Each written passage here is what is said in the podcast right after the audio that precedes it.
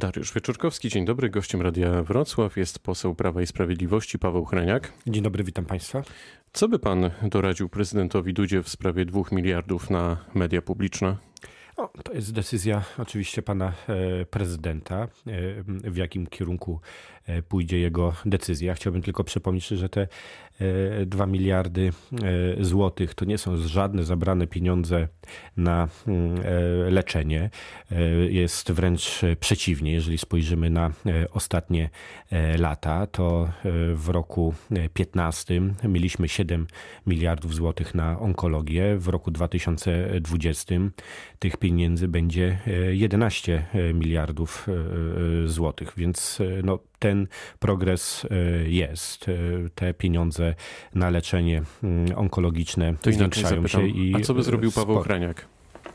No, ja przypomnę, że to po pierwsze nie jest żywa gotówka. To są pieniądze, które są e, przekazywane w e, obligacjach. To e, pierwsza informacja. A po drugie, ona wynika, te środki przekazane na, mm, na mm, telewizję, radio publiczne, również na, radio, na telewizje regionalne to są, to są środki, które zostały zapisane w e, ustawie, która mówi, przyjętej zresztą w okresie e, rządzenia Platformy Obywatelskiej, która mówi e, o tym, że ten niedobór związany z brakiem wpłat abonamentu do tej puli jest uzupełniany przez środki budżetowe. I to, to jest pan tak... by podpisał? E, no, to jest.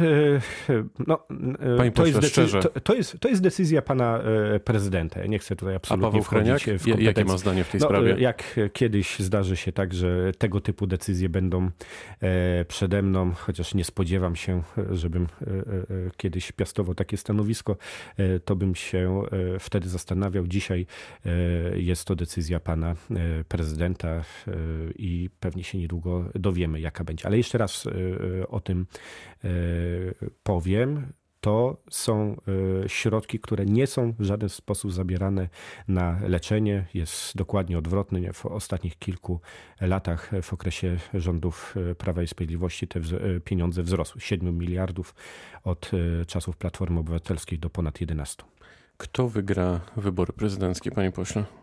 No ja wierzę głęboko, że e, pan prezydent Andrzej e, Duda, e, ale żeby tak mm, było, to faktycznie elektorat pana prezydenta musi się mocno zmobilizować, a wierzę, że tak będzie, ponieważ uważam, że pan prezydent jako jedyny ma mm, argumenty, takie twarde fakty, mówiące o tym, że ta prezydentura naprawdę była e, prezydenturą bardzo e, dobrą. Jeżeli ta kampania będzie prowadzona e, na podstawie faktów, takich dyskusji merytorycznych, to jestem spokojny o wynik, ale boję się, że tutaj emocje będą brały również w tym wszystkim. To jak w takim razie tłumaczyć słowa prezesa Jarosława Kaczyńskiego, który udzielił wywiadu radiowej jedynce i powiedział, że nie ma potrzeby wcześniejszych wyborów w razie przegranej prezydentury prezydenta Andrzeja Dudy. Nie będzie potrzeby przeterminowych wyborów parlamentarnych, powiedział prezes Prawa i Sprawiedliwości. Czy to jest trochę tak, że już się przygotowujecie na przegraną? E, nie, absolutnie nie przygotowujemy się na przegraną, a te słowa wynikało e, z tego, że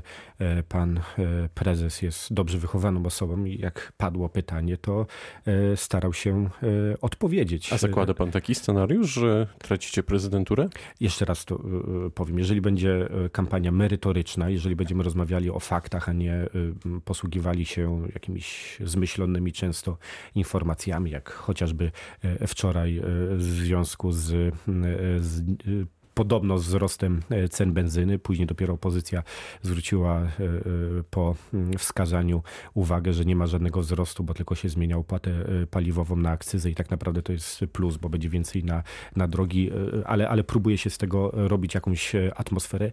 Jeżeli nie będziemy żyli w sferze takich fake newsów, nieprawdziwych informacji, to jestem spokojny o to, że prezydent Andrzej Duda nadal będzie pełnił tę funkcję. Jestem przekonany, że naprawdę to jest bardzo dobry prezydent, który gwarantuje e, dalsze pozytywne e, zmiany. A co się stanie z Marianem Banasiem? Jakiego rozwiązania się pan spodziewa w najbliższych dniach, tygodniach w tej sprawie?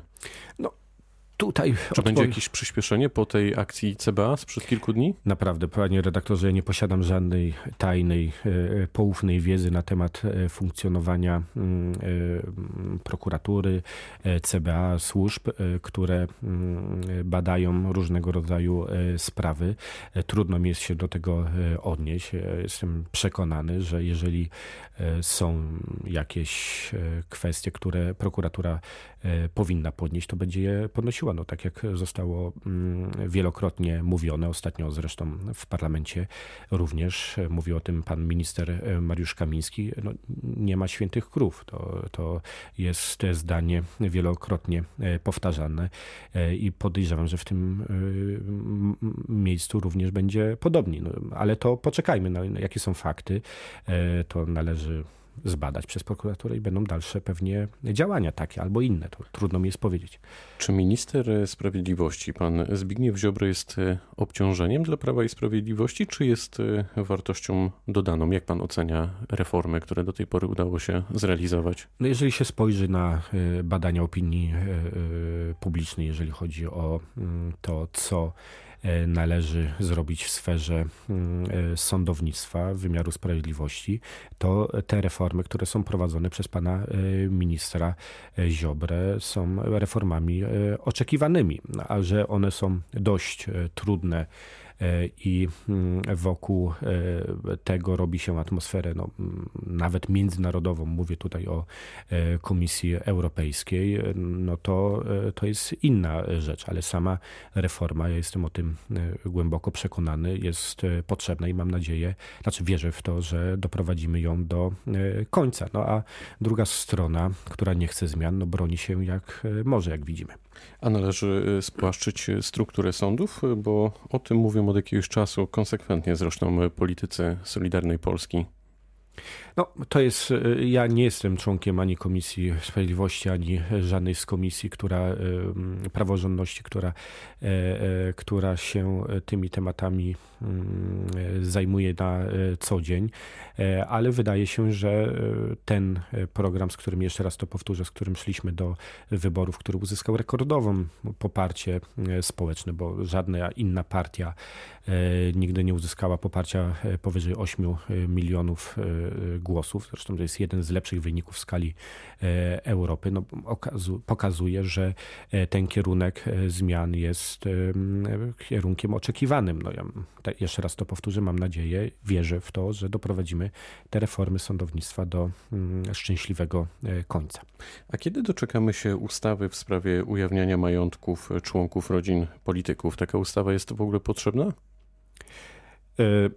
O tym mówiliśmy e, mm, jakiś czas e, temu. To jest jedno z głównych e, haseł, które jest na sztandarach Prawa i Sprawiedliwości. Chodzi o jawność i przejrzystość życia publicznego.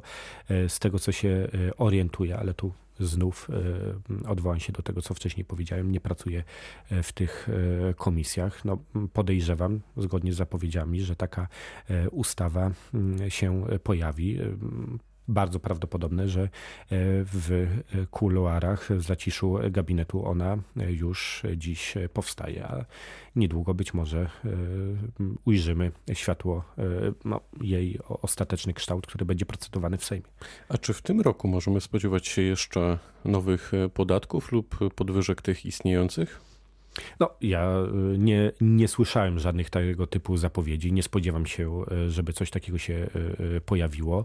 No, oczywiście, już o tym wspomniałem, opozycja próbuje e, tworzyć atmosferę mm, wzrostu podatku. No, wskazałem tutaj na tę cenę benzyny, co się okazało kompletnym e, nieporozumieniem, ale widać, że opozycja próbuje wszelkie tego typu sprawy wyciągać nagłaśnie, chociaż nawet wtedy, kiedy są niezgodne e, z rzeczywistością, e, ale zapewniam, że e, nie mówi się o żadnych dodatkowych podatkach. Siedział pan niedaleko pani posłanki Joanny Lichockiej. Czy ona powinna odpowiedzieć w jakiś sposób za swój gest? Powinna spotkać ją jakaś kara? Czy, czy to w ogóle wymaga jeszcze komentarza pana zdaniem? Czy, czy w ogóle uznajecie, że nie było sprawy w tej chwili? Znaczy ja e, e, wierzę głęboko, że to, co mówi pani e, poseł, jest prawdą, że nie chciała wykonać obraźliwego gestu, że był to gest no, taki poruszający E, e, oko, e, a, i, i mam nadzieję, że tak w istocie było. Ja jestem świadkiem tego, co się dzieje na sali plenarnej Sejmu i proszę mi wierzyć, że ze strony opozycji bardzo często, można to z scenogramów wyczytać, pojawiają się różnego rodzaju okrzyki, które na pewno nie są okrzykami parlamentarnymi. No, ja, no, parlament e, okazuje się e, coraz głośniejszy, coraz więcej tam emocji, co uważam za e, rzecz złą oczywiście, bo powinniśmy rozmawiać spokojnie o faktach, a nie posuwać się do jakichś działań emocjonalnych. Wałbrzych chciał i nadal chce walczyć z plastikiem, ale wojewoda Jarosław Obremski uchwałę unieważnił. Czy pan by również e, podpisał taki dokument? To znaczy, czy podziela pan ocenę pana wojewody jako były wojewoda? Mm, to, to, to jest e, tak, że nawet ustawa, e, uchwała w tym wypadku, e, która jest uchwałą mm, w moim ujęciu, jako również członka ochrony, Komisji Ochrony Środowiska, no, rzeczą być może dobrą, czy, czy dobrą dla, dla środowiska społecznie pożądaną, musi być zgodna z przepisami prawa. I to nie jest tak, czy wojewoda chce, czy, czy nie chce coś podpisać, to musi wynikać z z przepisów prawa, czy dana uchwała jest zgodna z ustawami, konstytucją, czy też e, nie jest zgodna. Znaczy z ustawami, czy nie jest e, zgodna. W tym wypadku, jak rozumiem, służby wojewody, służby prawne, prawnicy uznali, że jest to niezgodne z obowiązującymi przepisami prawa, stąd też decyzja. I to nie jest żadne widzimy się wojewody i tak również odpowiadam na pytanie pana redaktora, tylko wynika to z przepisów prawa. Powiedział Paweł Hreniak, poseł Prawa i Sprawiedliwości, który był gościem rozmowy Dnia Radia Wrocław. Bardzo dziękuję za spotkanie. Dziękuję bardzo. Rozmowę zrealizowała Anita Janczak, pytał Dariusz Wieczorkowski. Dobrego dnia.